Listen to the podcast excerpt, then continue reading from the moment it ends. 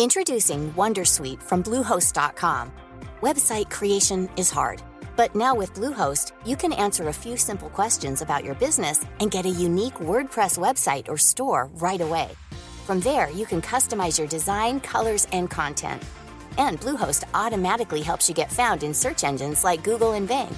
From step-by-step guidance to suggested plugins, Bluehost makes WordPress wonderful for everyone. Go to bluehost.com/wondersuite.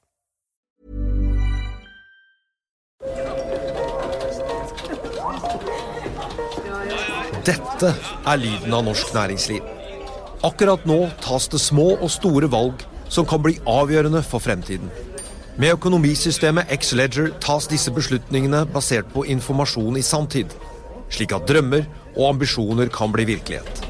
Få kontroll og oversikt, gå inn på xledger.no. Denne sendingen er sponset av Xleger.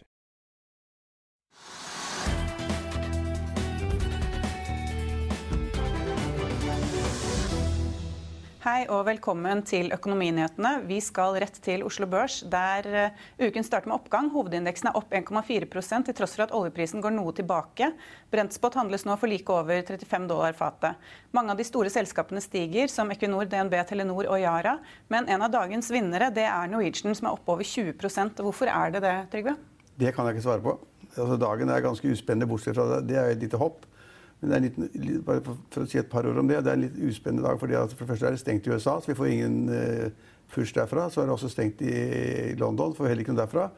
Så de øvrige europeiske børsene har gått litt opp i dag, faktisk. og uh, Omtrent som Oslo Børs. Uh, og så må man lete etter ting som er viktige, eller morsomme eller spennende. Og Norwegian-kursen er da opp 20% som du sier. og det, det, vil si at kursen ligger da på 3,5 kroner, eller litt over 3 kroner. Så det er jo da de som spekulerer i om kursen skal en, en, ned til 1 kroner eller 2 kroner, de som tror at den skal være mye mer verdt. Og vi heller jo til det at det er altfor mange aksjer i markedet som da ikke kan forsvare kursen. Kursen, det er større sannsynlighet for at Norwegian-kursen går ned i 2 kroner eller 2,5 kroner eller halvannen kroner, enn at den går fra 3,5 til 4 eller 5 eller 6. Men det er anybody's guess. Så liksom, vi kan ikke si at det kommer til å gå den veien, den veien for det sitter masse tradere rundt omkring og som ikke aner da hvor mange aksjer som er blitt da konvertert fra gjelden og fra da flyselskapene, som da, disse leasingselskapene. Så det er liksom veldig få som har innsikt i da, hvor mange aksjer det er blitt. Og så sitter man og tenker at dette er veldig billig i anførselstegn. I forhold til tidligere så gjør man feil. Eh, så den aksjen kommer til å surre rundt der nede på 3-4-5 kroner i lang tid, eller kanskje lavere også. Ja, for Den er jo billig sammenlignet med hva den ble handlet for før, men emisjonskursen var jo én krone. Ja, men det eneste som teller, er at hvis den var før de hadde emisjonen, hvis da verdien av selskapet var 500 eh, millioner, for å si det, eller 750 millioner kroner, så er den ikke mer verdt etterpå, annet enn det beløpet de får betalt inn. ikke sant? Og så må da, da markedscapen før legge til emisjonsbeløpet, og så dele på antall aksjer som har blitt i selskapet. Hvis antall aksjer da øker fra liksom 500 millioner til 5 milliarder, så blir det mye lavere pris per, per aksje. mye lavere kurs. Så du tror ikke det har noe med at eh, man eh, føler at nå kanskje det åpner litt i noen land til sommeren, og kanskje Norwegian begynner å fly mer? Og... Ikke i det hele tatt. Eh, for det første har ikke Norwegian kommet med noen signaler om at de kommer til å fly mer. Merkelig nok ikke Norge, Norge heller, og ikke Europa, ikke da over. Det er ikke noen meldinger fra Norwegian. Samtidig, samtidig, det er et godt poeng, samtidig så kommer det noen meldinger om at Lufthansa skal ta opp noen flere ruter. Ryanair skal ta opp noen flere ruter. Så kommer sikkert amerikanske selskaper som da har fly på bakken. Det er tross alt 17 000 fly på bakken verden rundt. Så Det kommer noen signaler om at det er noen land som åpner opp, og de gir adgang til å fly litt mer, men det er altfor lite. og Norwegian har ikke gitt noen signaler. Så de sier fortsatt, eller har sagt hittil, at de skal da bruke syv fly frem til da vårparten 2021. Ja, for I forrige uke så hadde vi en sak i Finansavisen om at da nettopp uh, Lufthansa, KLM eh, og SAS de vurderer jo flyvninger fremover. SAS gjør det jo på to ukers basis, uh, hvor de ser om de skal avlyse eller ikke. Og det virker jo som flere av dem nå setter inn flere fly, sånn som Air Baltic har begynt å fly igjen, f.eks. fra Gardermoen. Noen setter inn noen, hvis man ser på de, de store de, uh, Midtøsten-selskapene og andre selskaper som har masse fly. De, nesten, altså, de har, bruker nesten ikke fly i det hele tatt. Og det er klart at noen beveger på seg. Men alle selskapene du nevnte omtrent, da, som jeg kan godt, SAS, Lufthansa, alle de er inne i forhandlinger med de landene de er. Blant den tyske regjeringen med Lufthansa, hvor mye penger Lufthansa skal ha få i støtte for å kunne drive litt. Grann. Og så tipper jeg at de da viser litt sånn positivisme til regjeringen og til befolkningen. At liksom vi tar opp en rute der, eller legger ned en rute i München, tar en rute opp til Hamburg, eller hva det måtte være. Eh, så det er en bitte liten økning, men er, fremdeles er hovedpoenget det at disse selskapene er så hardt presset at de må ha statlig hjelp for å overleve. og Da setter de ikke inn masse nye fly. De kan ta et par fly. Og I Norge så er det slik at Norwegian da angivelig har, fått, har tilfredsstilt alle kravene for å få statsstøtte, denne tre milliarden og at de har fått det inn i kassa som likviditet, og så skal de betale gamle regninger og noen nye regninger. Og de har ikke da brukt disse pengene foreløpig til å på en måte utvide kapasiteten noe særlig, utover det de har en avtale med staten om å fly på et minimums rutenett. Men hva gjør de flyene som står på bakken? De, de står på bakken. og de, noen sier at de skal stå der hvis de står mer enn to år. Det har jeg ikke noen peiling på. Liksom, da, det er fuktigheten og det er støv og det er hva det måtte være. Og da, hvis de står mer enn to år, så er det fare for flyene. Så det er en kjempealvorlig situasjon. Uh, og, da, og, hvis det viser etter hvert at det er veldig vanskelig å få disse flyene i lufta, så kan det være en, altså en mye større katastrofe enn det de har hittil. For da er liksom den aktive klassen fly som da står på i balansen, den har plutselig ikke vært med en halvparten eller ingenting. Så alle tror eller håper jo på at, at systemet de har for å legge disse flyene i opplag på en måte, da, med presenninger og dekke til alt dette, at det holder da flyene, flyene i live. Men det er kommet da skeptiske røster som sier at det der, hvis de motoren ikke går på to år, så vet man ikke hva det har kommet til av, av fuktighet eller andre ting, og det er da krise. Men kanskje man da kan kjøpe seg et fly litt billig fremover? Ja, du kan kjøpe et billig. Men da må du ha to piloter, og så må du ha bakkemannskap, og så må du gjøre mye annet rart. Så driftskostnadene vil bli så store at det lønner seg ikke. Okay, ja. Ja. Men på børsen i dag så er det på en måte de store linjene, da. Det er jo da I forrige uke så falt det jo pga. denne nye kinesiske loven som man, man var bekymret for i Hongkong. Eh, og så er det oljeprisen som for så vidt, den er høyere nå enn det den var på slutten av uken. Den har nå tydeligvis stabilisert seg over 30 dollar fatet. da. Jeg syns det er interessant. Altså, det er ingen, det er ingen eh, altså kursdrivende effekt i oljeprisen, fordi den ligger på 35 dollar per fat for Brenten. Og der ligger den helt forunderlig, spør du meg. Det er, uansett hva som skjer i verden, enten det er i Hongkong eller i, eller i resten av verden, så, så, kommer det ingen impulser fra ø, oljeprisen. så Den ligger på 35 dollar per fat. I morgen kan den ligge på 34, som kan ligge på 35 eller 35,5 eller 36 kanskje. Men det ligger ganske stødig der, så jeg vet ikke helt hva de venter på. Ja. Om da etterspørselen etter olje i verden skal øke, eller om de klarer å skru til tilbudssiden, det vet jeg ikke noe om. Men det ligger ganske fint der. og da, så Equinor er jo litt opp i dag, og så er Aker BP litt ned. Det, liksom, det betyr ingenting for kursen i det hele tatt. at Folk avventer et eller annet i det store bildet. Men tror du, Er det kanskje sånn at man må under 30 igjen da, for at det skal eh, virke inn, eller over 40? eller et eller annet sånt? Ja, altså Hvis oljeprisen begynner å falle under 30 dollar fat, så skjer det saker og ting kanskje i, i offshoresektoren. Kanskje da kursene begynner å gå for supply-skip eller drilling-rigger eller hva det, hva det, måtte være. Men jeg tror at det, det skal mye til for at liksom, de tendensene vi ser nå i veldig svake markeder, veldig, Eh, at de, skal, at de, snur fordi at oljeprisen faller under 30 dollar på fat, det tror jeg ikke. Men hvis oljeprisen faller ned på 20 eller 25 dollar på fat, så vil, bli, da vil folk tenke at da vil oljeselskapene bruke mer penger på da, å bore, og så vil de trenge disse supply-skivene, alle de ankerhåndteringsskivene osv. Eh, men vi er ikke der. Vi ligger nå stødig på 35, og så lurer folk da på om det blir prisen veldig lenge. Og så tror jeg folk vil være veldig overrasket og veldig positive hvis da den prisen gikk fra 35 dollar på fat til 40 eller 50 eller noe sånt. Men mer går den i hvert fall ikke. Og det betyr at Sannsynligvis er det nedsiderisiko på det at liksom den stiger ikke nok. Den, faller, altså den, den stiger, men det, det, endrer ikke det prisbildet som er akkurat nå. Og, og, og, stiger den litt mer enn det vi da kunne frykte, så er det nok til å ødelegge markedet helt. Og nå er jo markedet for da, den, den, type virksomheter som er korrelert med oljeprisen, mark de markedene er jo ødelagt. Men eh, sånn som nå i det siste så har det jo vært denne amerikanske saken som er preget for Equinor. Er vi ferdig med det nå? Det er et godt spørsmål. Altså, journalistisk tror jeg ikke vi er ferdig med den. og Jeg tipper at DN som har kjørt saken, hatt mange gode artikler på det, de har sikkert mer på lager. De har fått et lass med papirer fra, fra internrevisjonen i USA og brukt de heftig. Uh, og jeg vil tippe at det, at det i sånn vanlig praksis uh, så sparer man noen biter, så kommer det mer. slik at liksom hver lørdag kommer det noe mer. Så jeg, så jeg tipper at Journalistisk er vi ikke ferdig med det, men, men for investorene altså De har nå hørt det at det angivelig finnes et tap på 200 milliarder kroner opparbeidet over ti år.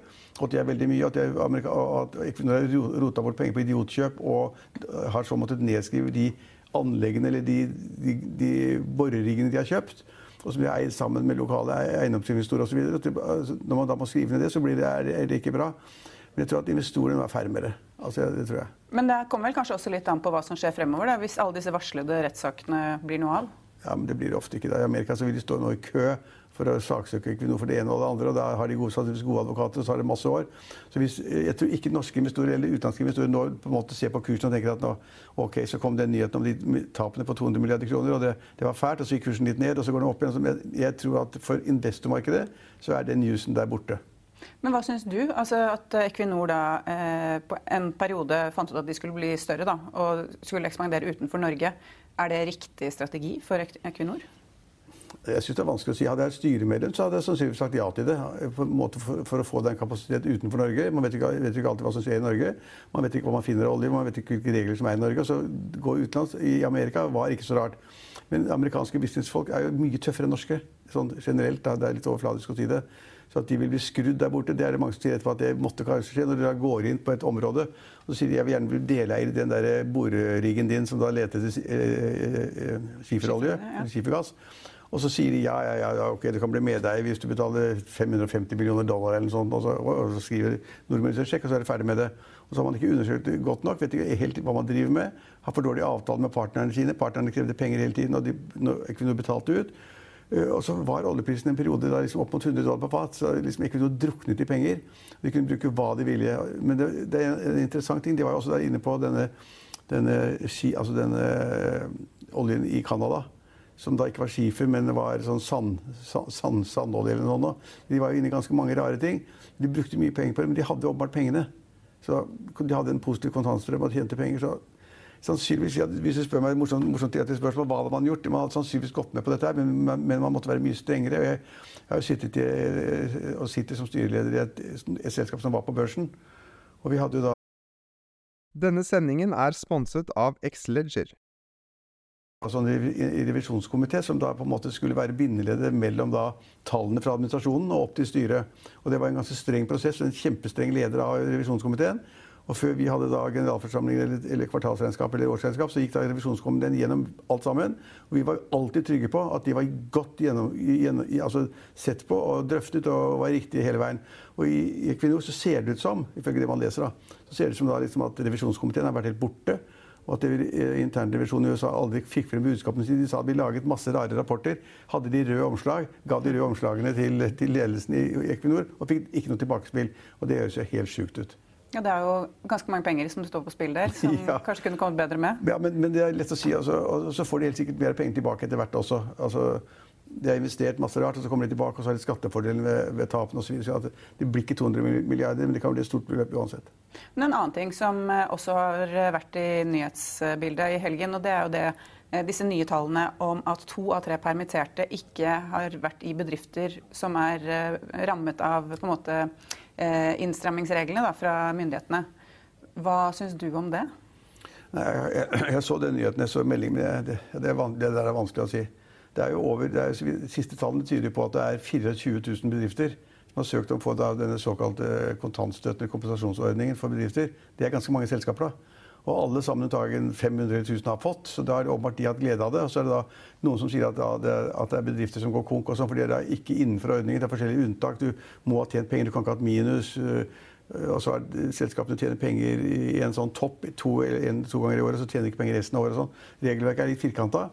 Jeg syns det er litt rart at såpass mange sier at selv om vi får støtte, så går vi konk. Det syns jeg er litt rart. Men, men mot altså, Men de får vel kanskje ikke, altså de får jo ikke full støtte, da? Det, kan, det får de aldri, selvfølgelig, men de får dekket av 80 eller 90% av de faste kostnadene.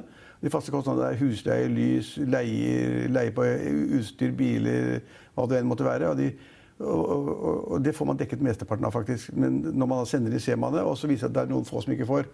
Men, men, men, jeg er litt imponert av at det er da Jeg husker ikke det siste tallet jeg så, men 24 000 eller 25 000 selskaper som har søkt på digitalt på nettet få søkt her og få penger etter to dager. liksom. Det er jeg litt imponert over. Det, så det systemet virker. og så er det denne konkursbølgen den er ikke kommet når den kommer i Norge, så kommer den. Altså, vi, er, ikke ferdig, Det er først nå bedriftene utover landet, små hoteller i daler og fjorder og sånn, som da har brukt alle pengene de har. Først har de brukt opp sine egne sparepenger, og så har de da brukt de feriepengene de har vært nødt til å sette etter loven, som skal utbetales da nå i juni. Og de pengene har mange selskaper ikke, og så går de konk.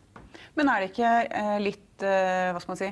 Eh, det er vel ikke helt det som var tanken med denne kontantstøtten? At bedrifter som da ikke rammes egentlig av eh, reguleringer fra regjeringen, skal søke om den? Ja, det, Selv om man kan jo si at det er ringvirkninger overalt. Det er, det er masse effekter her. og det er jo, de, Regjeringen har bare sagt det at, det folk har sagt, og det Stortinget mente, var da det at hvis staten bestemmer at du må stenge Når staten bestemmer at du skal stenge, og det er null etterspørsel, så må staten dekke noe av de fattige kostnadene, ellers går du kong. Det syns jeg er riktig. Ja.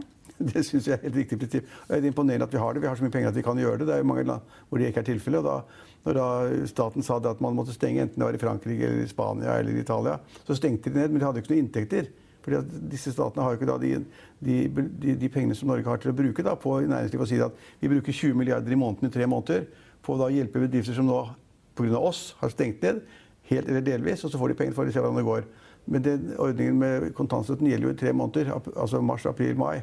Tror jeg, mars, april, mai. Foreløpig, i hvert fall. Foreløpig. Ja. Så kan det bli forlenget. Men, og det er avhengig av hvor penger, mye penger som har gått ut. Men den første måneden nå så har det ikke gått ut mer enn halvannen milliard eller noe sånt. nå. Men er det noe annet som skjer denne uken som vi burde følge med på? Nei, ikke som jeg kan huske nesten engang. Det er eh, Nei. Det er, nei, eh, det er, det er litt uspennende. Det kom noen tall i dag som jeg ikke har fått sett nærmere på. Det er da, som mange er opptatt av, da, det er liksom hvordan bygg- og anleggsmarkedet går. Og det som da har skjedd på koronasiden, om det påvirker at folk at de investerer mindre. Altså setter i gang færre lagerbygg, setter i gang færre leiligheter som skal selge om ett eller to år. Og det ser ut som det er helt åpenbart at det er bråbrems. Så da igangsettelsen av anlegg i anleggssektoren er 20-30 ned. Og det er ganske alvorlig. Det kommer vi til å få merke. Og hvis de stopper opp igangstillelsen av boliger, så vil man da ikke merke det nå, de vil merke om to eller tre år. Da disse boligene som man da begynner å bygge nå, blir ferdig i løpet av ett eller to eller tre år. Og så skal de selges i markedet. Da kan det være såpass mye færre boliger i markedet at prisen faktisk kan gå opp. Men det virker jo som boligmarkedet egentlig har klart seg ganske greit gjennom den krisen her. Altså Bolig blir solgt, det er jo Jeg er imponert. Jeg er litt overrasket over det. Og vi har i Finansavisen hadde vi denne storyen eh, først da om denne, denne fo- hedge- hedgefondforvalteren. Furuholmen. Ja. som, da, som da solgte en bolig til 250 millioner. Der sto det en kjøper og spilte blidt og skrevet en sjekk på 250 millioner kroner. Det er jo ikke på en måte markedet, men det viser at det er penger i, penger i omløp likviditet. Folk kjøper og betaler. Og ser, du, har- du, har- du har et godt poeng der at hvis man bare følger de annonsene som vi har i avisen og andre steder, så ser det ut som det er ganske stor omsetning av, av boliger hele tiden. At det er nok kjøpere på de som blir lagt, ut, lagt frem i markedet. Men da har vi vel egentlig oppsummert dagen Ja. og den litt uspennende børsdagen i Litt dag. uspennende i dag, da. Ja. I Finansavisen i morgen kan du lese Trygve Hegnars leder om Nicolai Tangen og ansettelsesavtalen med Norges Bank. Du kan lese om meglertopper som varsler boligprisoppgang, og om en voldsom vekst i interessen for å leie bobil i sommer. Og dermed er vi ferdige med dagens sending. Vi er tilbake i morgen klokken 10 og klokken 15.30. Vi ses. Ha det bra.